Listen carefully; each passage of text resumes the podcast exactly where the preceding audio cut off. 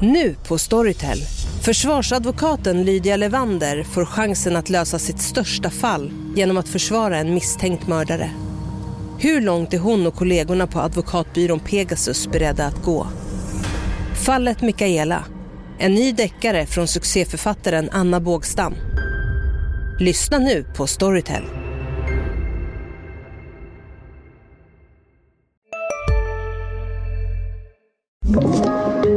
Podplay. De kriminella gängen är många och har vuxit sig starka. I delar av samhället har mord och sprängningar blivit en del av vardagen. Efter ännu ett år med rekordmånga dödsskjutningar är frågan återigen brännhet. Hur ska gängen stoppas? Polisen tror att information är nyckeln. För att besegra en motståndare måste man först lära känna sin motståndare. De senaste åren har underrättelseinhämtning blivit allt viktigare. Att ta sig in i gängens slutna miljöer, kartlägga personerna och förstå deras drivkrafter. Allt för att i slutändan kunna stoppa dem. Du lyssnar på Krimrummet, en podd från Expressen med mig Kim Malmgren.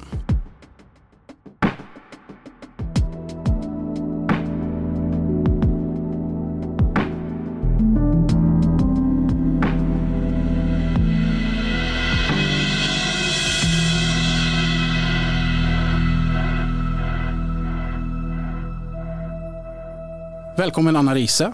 Tack. Du är chef för underrättelseenheten i Region Stockholm. Mm. På något vis är det du och din enhet då som är någon sorts spjutspets för att kartlägga de här kriminella nätverken och eh, ja, men i slutändan se till att eh, polisen kan arbeta effektivt mot dem. Exakt. Det är en ganska dyster bild jag målar upp här i introt. Mm. Skjutningar, sprängningar. Vi har 47 dödsskjutningar i Sverige förra året. Mm. Samma som 2020, vilket är då ett delat rekord tyvärr. Mm. Hur ser din bild ut av, av läget i Sverige i de här miljöerna? Övergripande. Ja, jag skulle säga att eh, ja, statistiken talar ju för sig själv. Att vi har ett väldigt allvarligt läge i Sverige eh, generellt och i Stockholm ska jag säga, i synnerhet. Vi har ju ja, hälften av alla mord 2021 skedde i Stockholm. Vi har ungefär hälften av alla utsatta områden ligger i Stockholm. Så det är klart att det är en, eh, en väldigt allvarlig situation. Jag har lite svårt egentligen, det tror jag många har, att få grepp om vad är det underrättelseenheten gör. Och det är naturligt mm. eftersom man måste vara ganska hemlighetsfull i det här arbetet.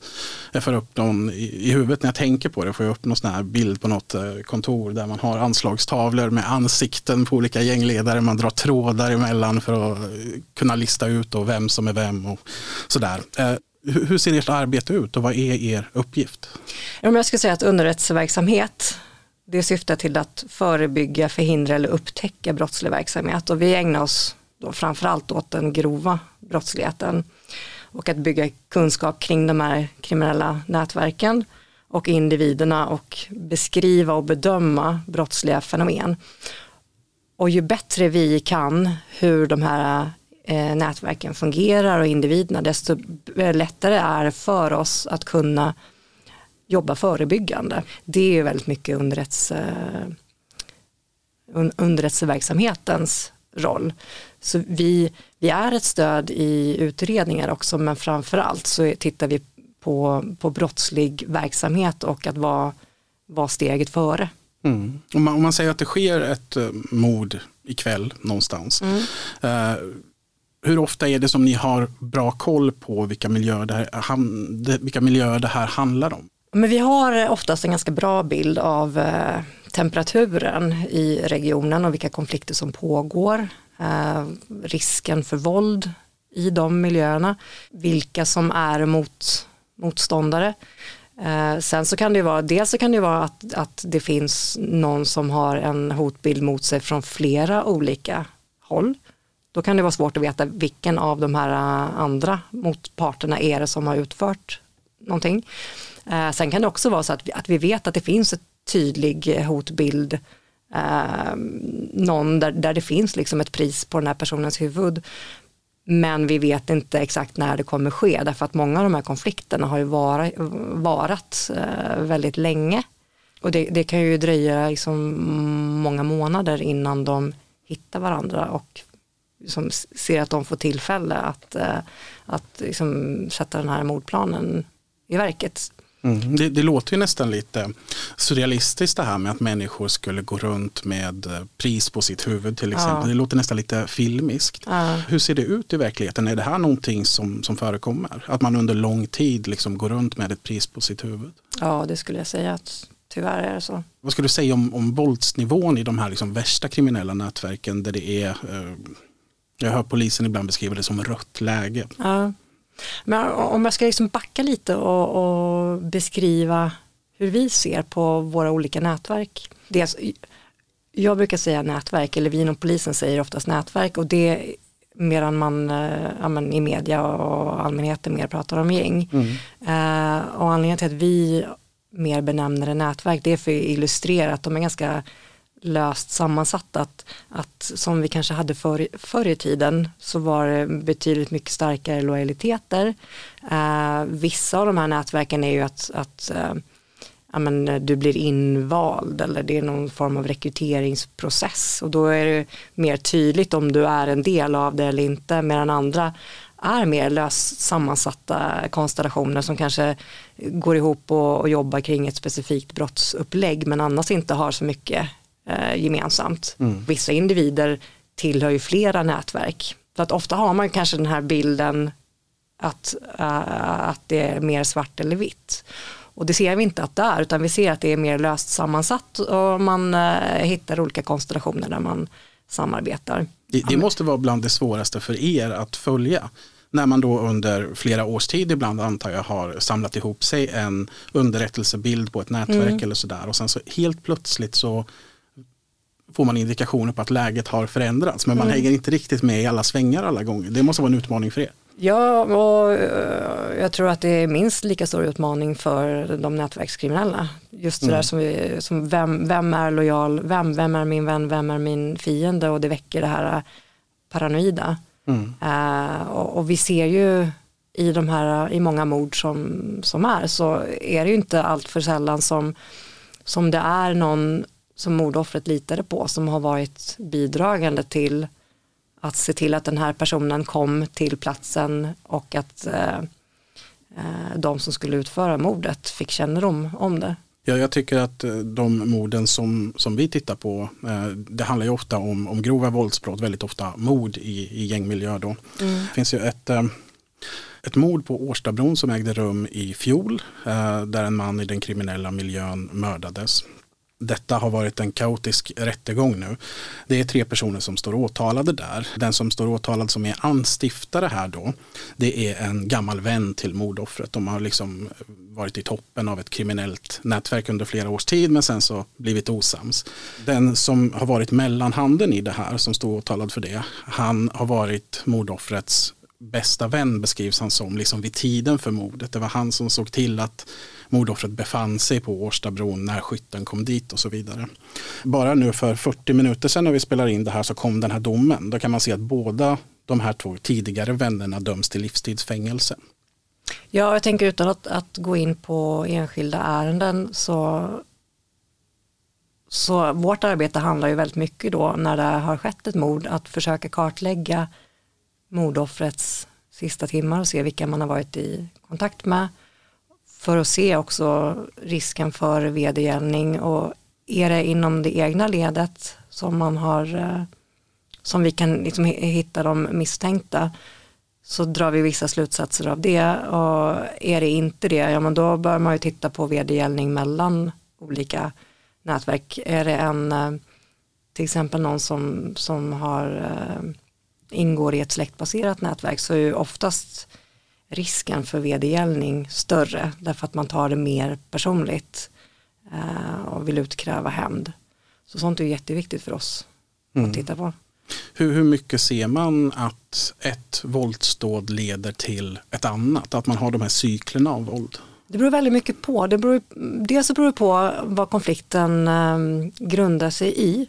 Det, ja, men en del av de här morden bo, har sin grund i tämligen banala saker från början. Alltså något bråk på ett torg eller att man bråkar om någon, någon tjej eller så vidare. Som ju, ja men jag skulle säga att det är väl en otroligt banal grej som är helt orimligt att man skjuter någon mm. för. Eh, sen så finns det ju mellan nätverk, till exempel eh, många av våra nätverk samarbetar med varandra och man kanske går ihop om en stor narkotikaimport och sen händer det någonting med den här leveransen. Eh, allt från att man försöker blåsa varandra, att ett nätverk går in och snor hela eh, partiet eller att vi inom polisen har fått nys på det här och vi går in och eh, beslagtar. Och då ska man ju hitta vems fel var det, för det är ju någon som måste betala mm. för det här partiet som har försvunnit.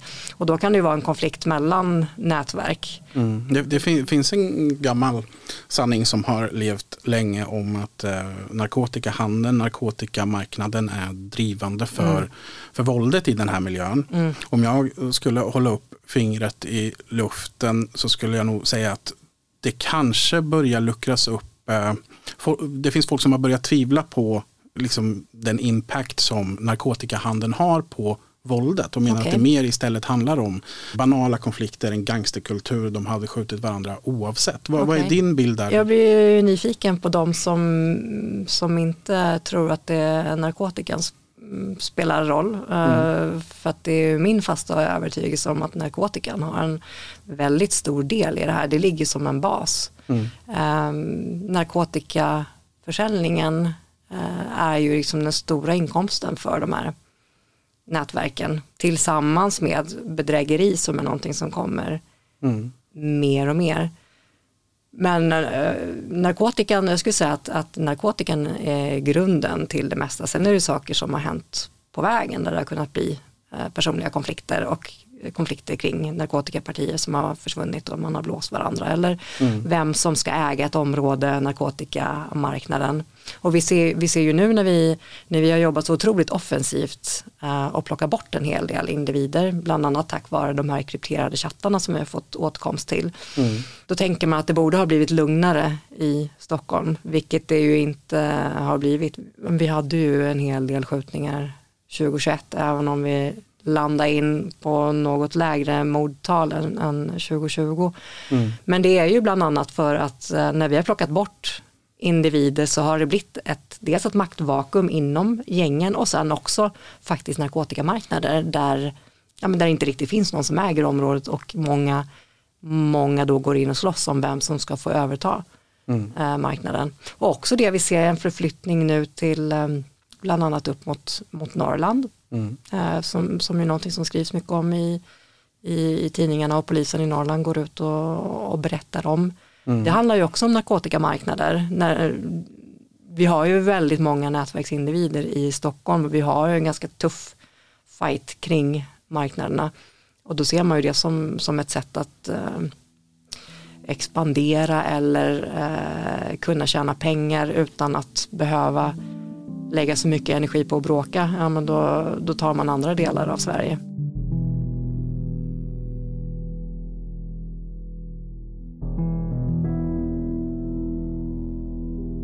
Våren 2020 så lyckas fransk polis hacka Encrochat som då är en krypterad chatttjänst där, eh, som har varit väldigt välanvänd bland kriminella i Europa men även kriminella i Sverige. Jag har inte siffran helt klar, jag tror det var närmare tusen personer i Sverige som använde sig av det här.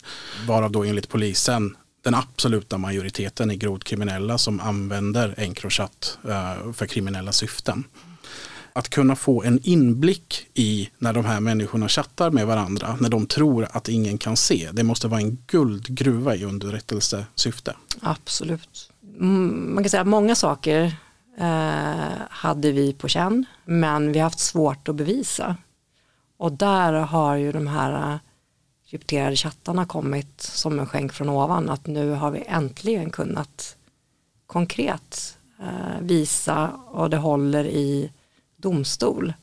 Eh, så att jag tror att vi nu i eh, ja, men det är Encrochat, det är Sky, ECC och det är Anom. Mm. De uh, apparna. Då har vi ju hittat jättebra ingångar där vi har kunnat bygga ärenden kring. Ibland har ju det varit en ingång uh, där vi har kunnat liksom, fått jobba fram bevisning på annat håll och där vi har kunnat få till, jag tror att vi nu är uppe i 586 fängelseår utdömda bara i Stockholm där de här krypterade chattarna har eh, gjort, eh, varit till stor del för att vi ska lyckas. Så Mm. det, Jag jag vet att polisen har ja. lagt stor vikt också till, på vilka det är som döms. Mm. Att eh, när det sker den här typen av nätverksbrottslighet, ett mord till exempel, Mm. att de gångerna man får fast någon så kanske det är skytten Mm. som kanske bara har anlitats av en anstiftare. Men den som liksom har motiv för att mordet ska ske, den som är i konflikten och så kan vara drivande för våld framåt, Mm. den som har en ledande roll i ett nätverk, den har ofta klarat sig undan för man kan inte dra de banden hela vägen bevismässigt. Mm. Det har vi sett med Encrochat nu i flera fall, att människor som då anses vara på toppen av sina respektive nätverk har dömts till långa fängelsestraff. Mm. Precis. Eh, och vi har ju fått så otroligt mycket bra material. Och då har vi prioriterat eh, de grövsta våldsbrotten. Men jag skulle vilja säga att vi har en hel del material kvar. Mm. Så att eh, vi kommer kunna bygga massor av ytterligare ärenden och få inte bara eh, de här anstiftarna och ledarskiktet utan även kunna sätta dit en hel del fler av de här nätverkskriminella. Hur, hur funkar det rent eh, jag vet när man ser de här pressmeddelandena så är det att polisen har då kapat, jag vet inte hur många miljoner olika meddelanden. Det måste vara ett otroligt jobb att gå igenom, sovra, eh, hitta någonting i en chatt som kopplar samman till någonting i en annan. Eh, det måste vara ett otroligt resurskrävande arbete. Det är, samtidigt är det ett väldigt roligt arbete. Det är ju liksom rent detektivjobb.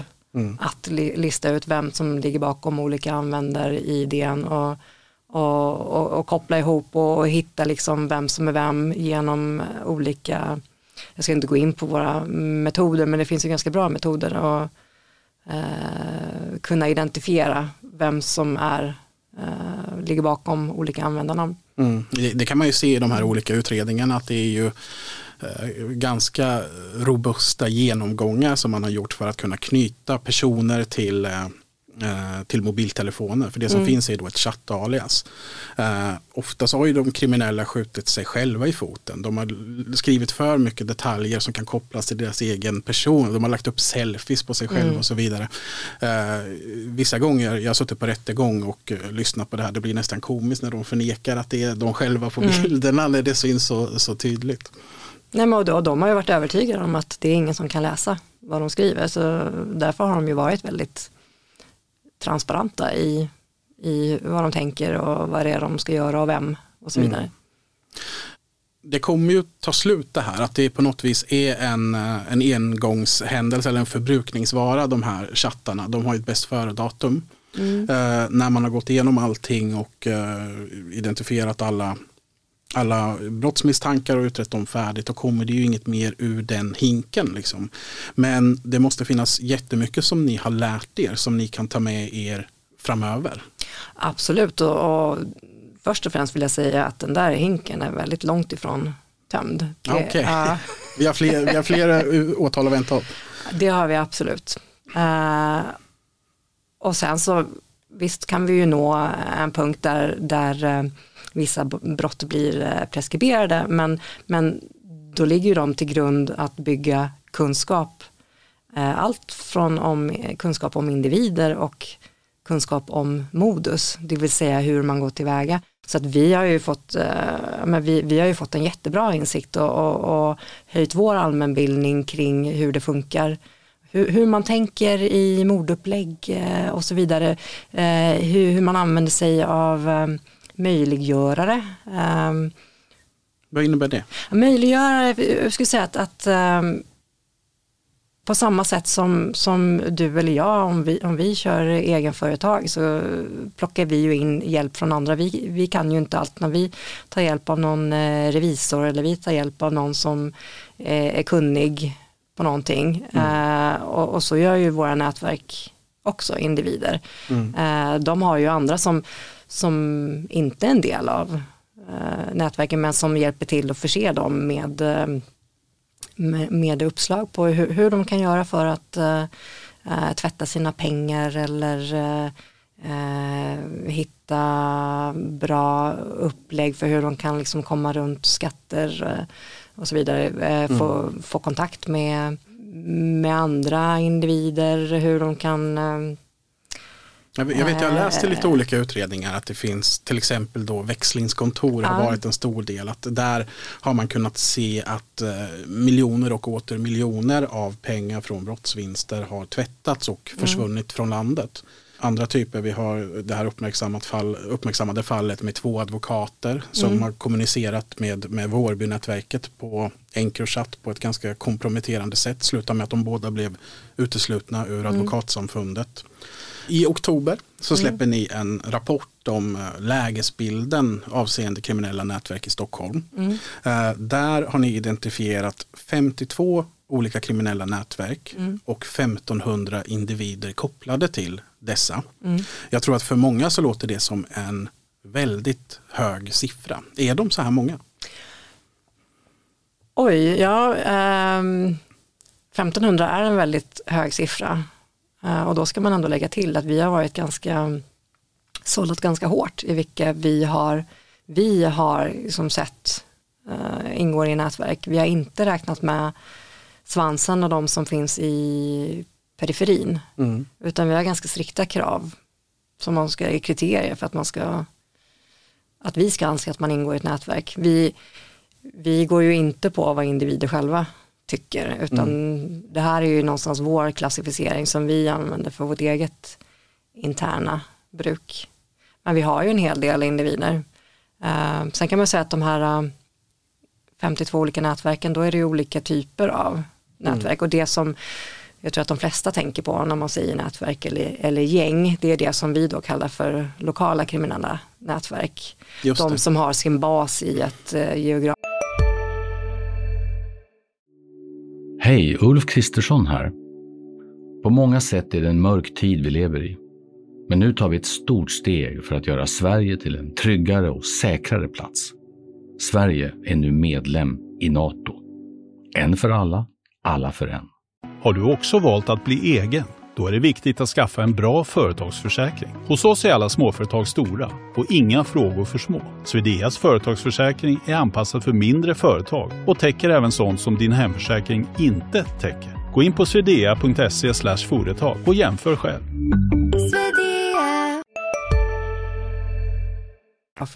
område och som som främst eh, utgör liksom ett samhällspåverkan genom att man, eh, eh, man förstör för det egna mm. området.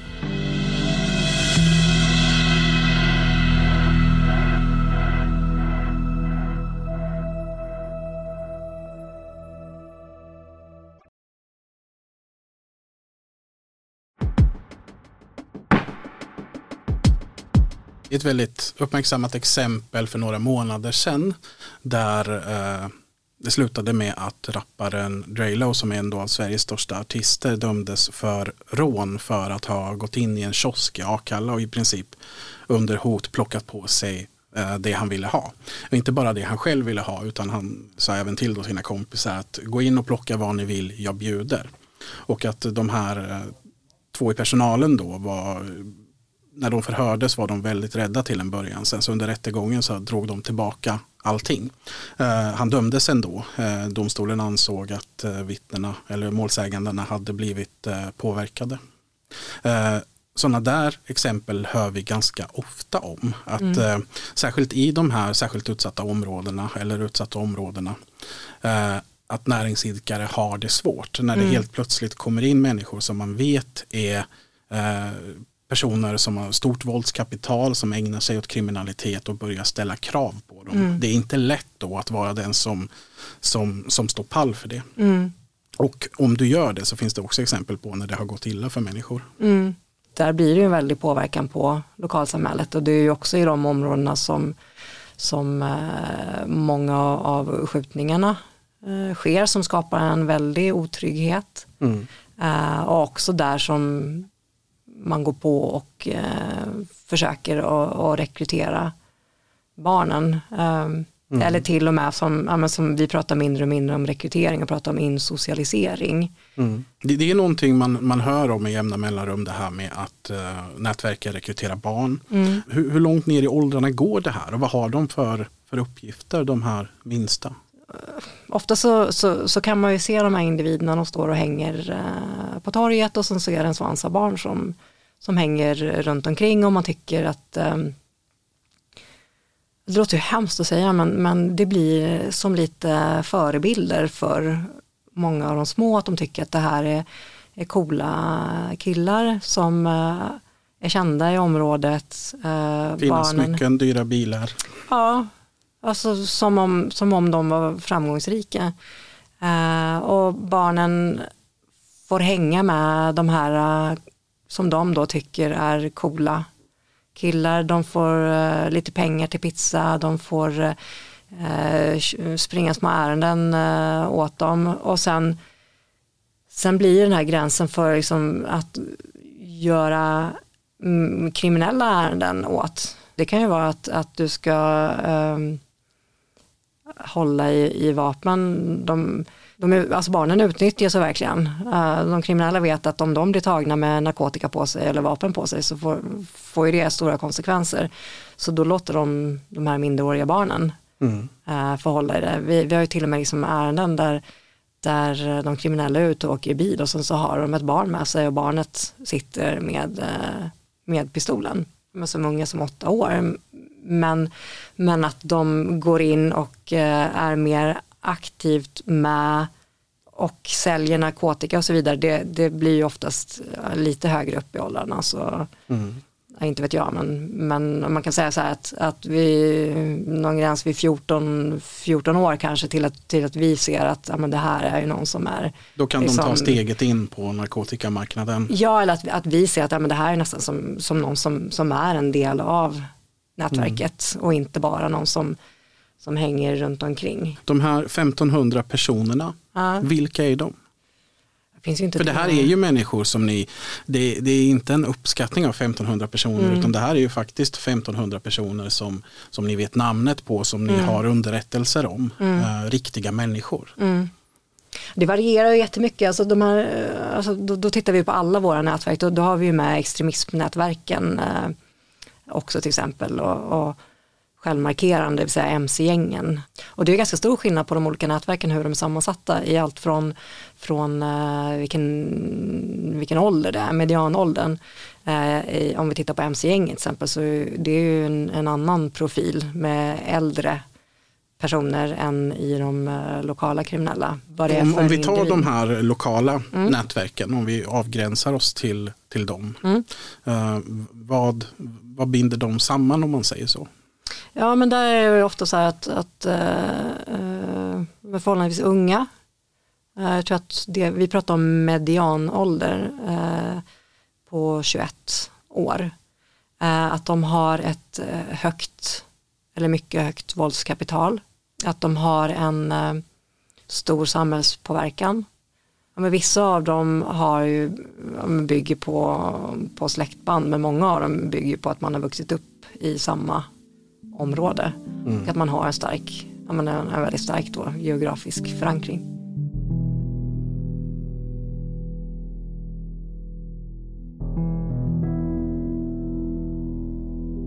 Det som har skett då här sen, sen Encrochat egentligen och nu även Sky och Anom är ju jag har svårt att beskriva det som något annat än liksom fantastiska framgångar för polisen vad gäller att eh, komma åt människor i den kriminella miljön. Mm väldigt framgångsrik på alla sätt. Eh, över tusen år eh, fängelseår utdömda eh, i landet, 500 som du säger i Stockholm.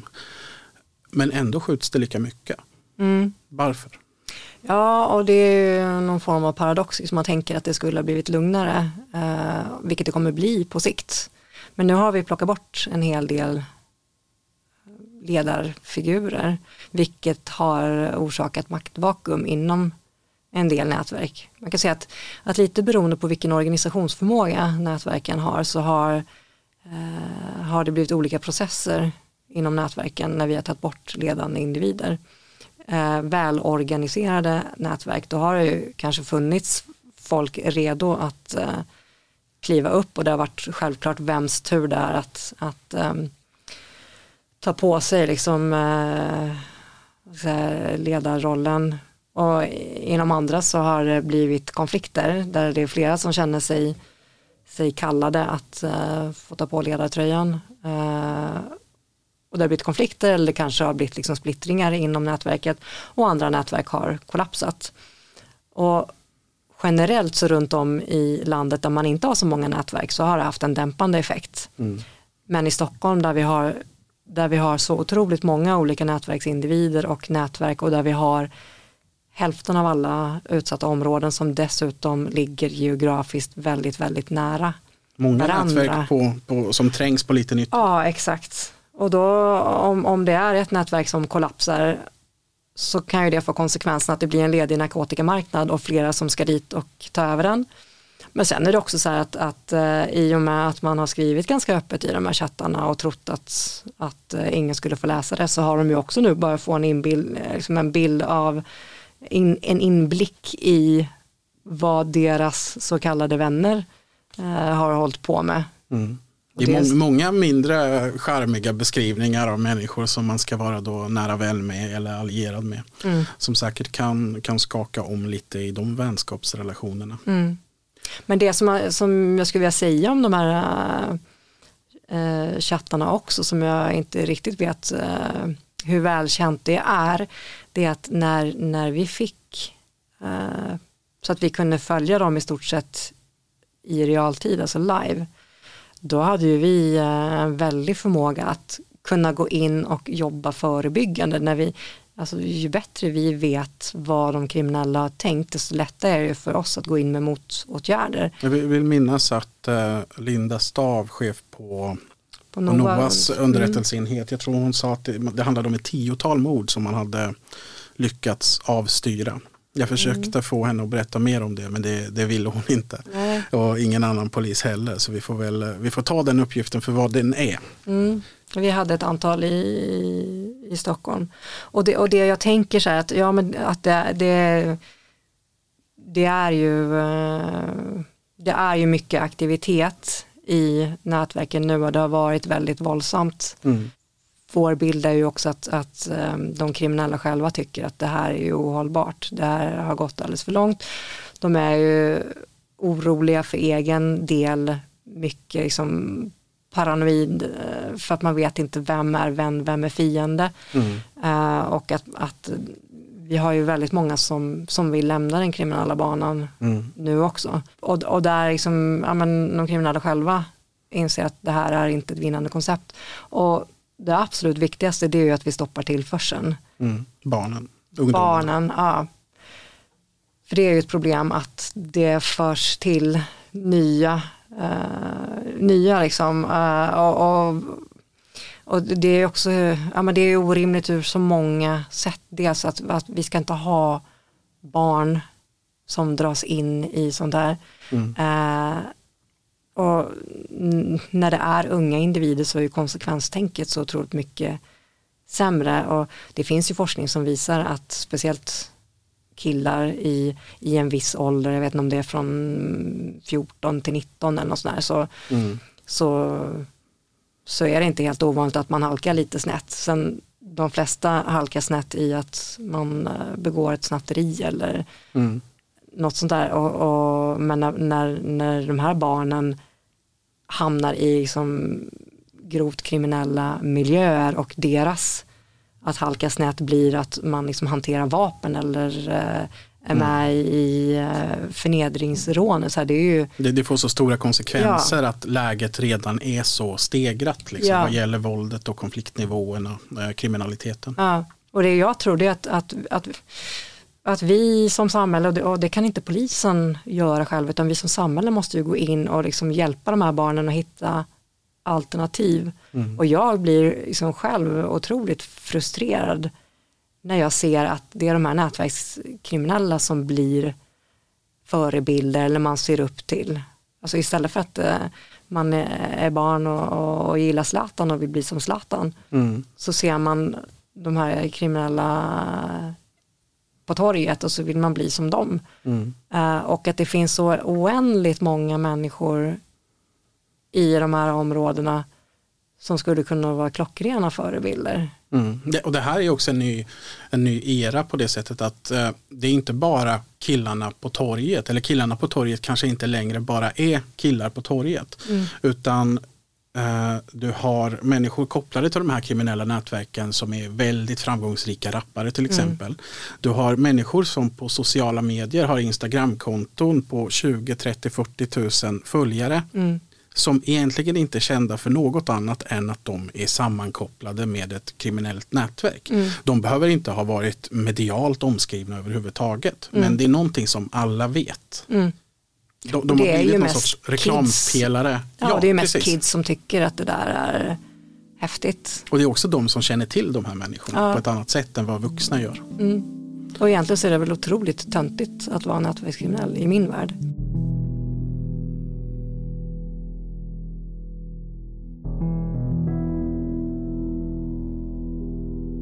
Politikerna har ju intresserat sig väldigt mycket för gängkriminaliteten. Det ligger högt upp på den eh, polisiära agendan. Någonting som vi återkommande har hört är högst upp på polisens önskelista är möjligheten till dataavläsning utan konkret misstanke.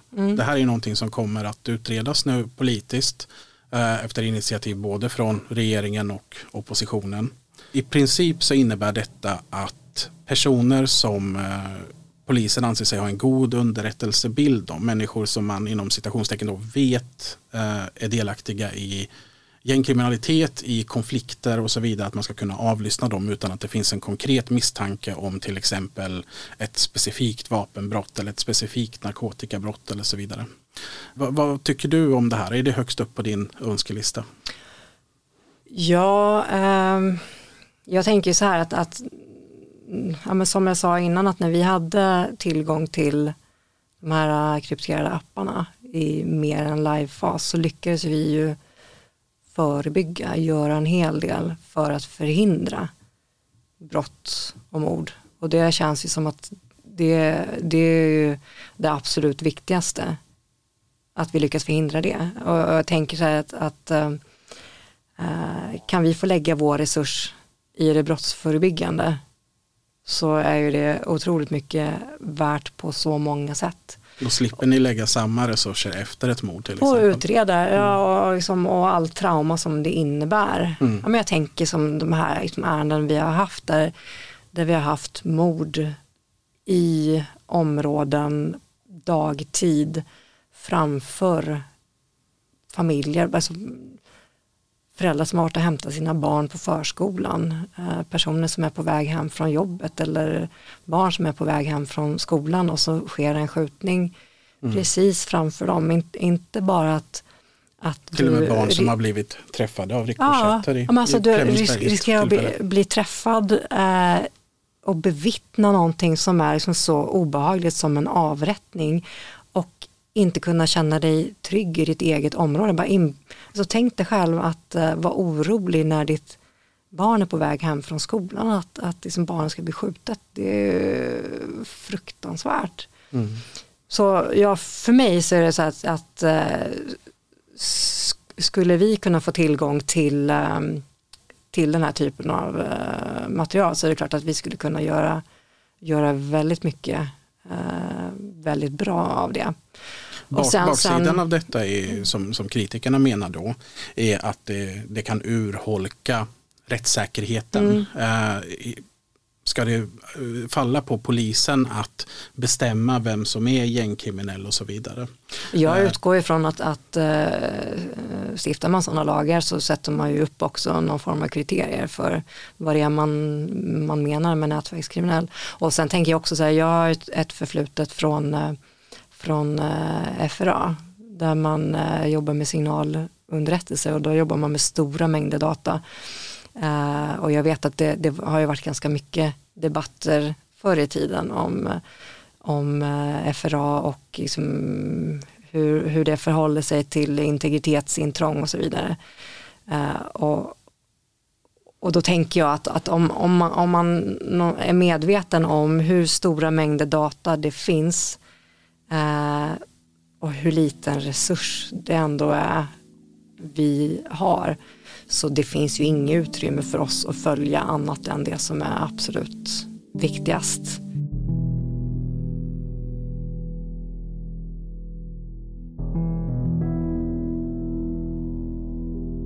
–2020 47 dödsskjutningar. 2021 47 dödsskjutningar. Vi har redan sett några dödsskjutningar här i början av 2022. Uh, hur kommer året utveckla sig tror du? Ja, om jag ska spå i kristallkulan. Det, ja, det, det, det är det jag begär här.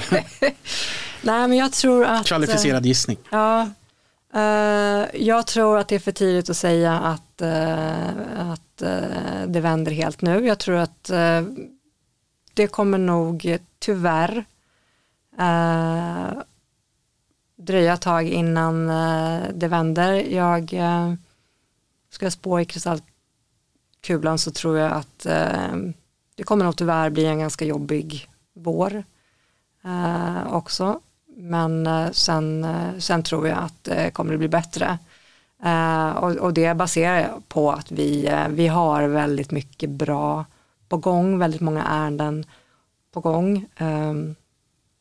där vi kommer kunna gå in och, och slå av Uh, och sen finns det ju det finns ju en hel del konflikter som pågår idag mellan våra nätverk. Mm. In, innan, innan jul mm. så gick polisen ut med att nu flyttar man personal från hela landet till Stockholm för att mm. möta det här våldet och alla personalresurser som det kräver. Mm. Där pekar man ut Järva och Huddinge som två områden som kommer att prioriteras i detta. Hur, hur ser läget ut där? Ja, men jag tänker Järva, det, det har vi vetat länge att det, att det är ett eh, oroligt område och att men, en hel del konflikter är kopplade till Järvaområdet. Eh, så det känns ju ganska naturligt att, att man går in och gör en, en eh, en insats eller förstärkning i Järva. Uh, Huddinge, lokalpolisområde Huddinge är situationen kanske inte likadan men, men Huddinge är lite grann ett, ett nav som är kopplat till många av nätverken i, i södra delen av regionen. Uh, och, och, det jag skulle vilja säga liksom med den här eh, förstärkningen som, som vi får till Stockholm att den är ju väldigt e- efterlängtad och vi har ju en hel del ärenden som jag var inne på förut, att vi, vi har ju en hel del material kvar som vi inte har eh, hunnit med i, i våra, våra appar och nu tack vare den här förstärkningen så kommer vi liksom få utrymme att, eh, att jobba med dem. Eh, så jag ser framför mig att, det, att vi kommer få en hel del eh, bra aktivitet nu när vi, när vi är eh, fler och fler muskler och att vi kan liksom hinna med att jobba med de här och, och, därför så, så, så tror jag att, att, att det kommer vara eh, ja, mycket nu under våren men att det kommer ge utdelning sen i form av att det kommer bli, eh, bli lugnare. Och det handlar ju också om att, att eh, eh, vi behöver bli fler poliser i Stockholm eh, och, och, nu får vi en förstärkning och, och samtidigt så hinner vi utbilda så att, att, att vi får växa i regionen. Vi avslutar det här avsnittet i dur då. Mm. Eh, tack så mycket Anna Riese för att du ville komma hit. Tack. Ni har lyssnat på Krimrummet. Lyssna igen nästa vecka för ett nytt avsnitt. Vi hörs då.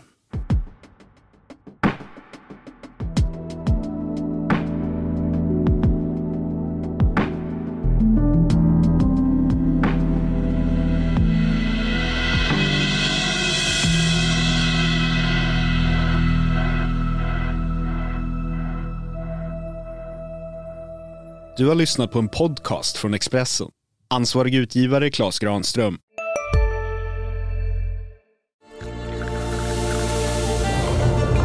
Välkommen till Maccafé på utvalda McDonalds restauranger med Baristakaffe till rimligt pris. Vad sägs om en latte eller cappuccino för bara 35 kronor? Alltid gjorda av våra utbildade baristor. Hej, Synoptik här. Hos oss får du hjälp med att ta hand om din ögonhälsa. Med vår synundersökning kan vi upptäcka både synförändringar och tecken på vanliga ögonsjukdomar. Boka tid på synoptik.se.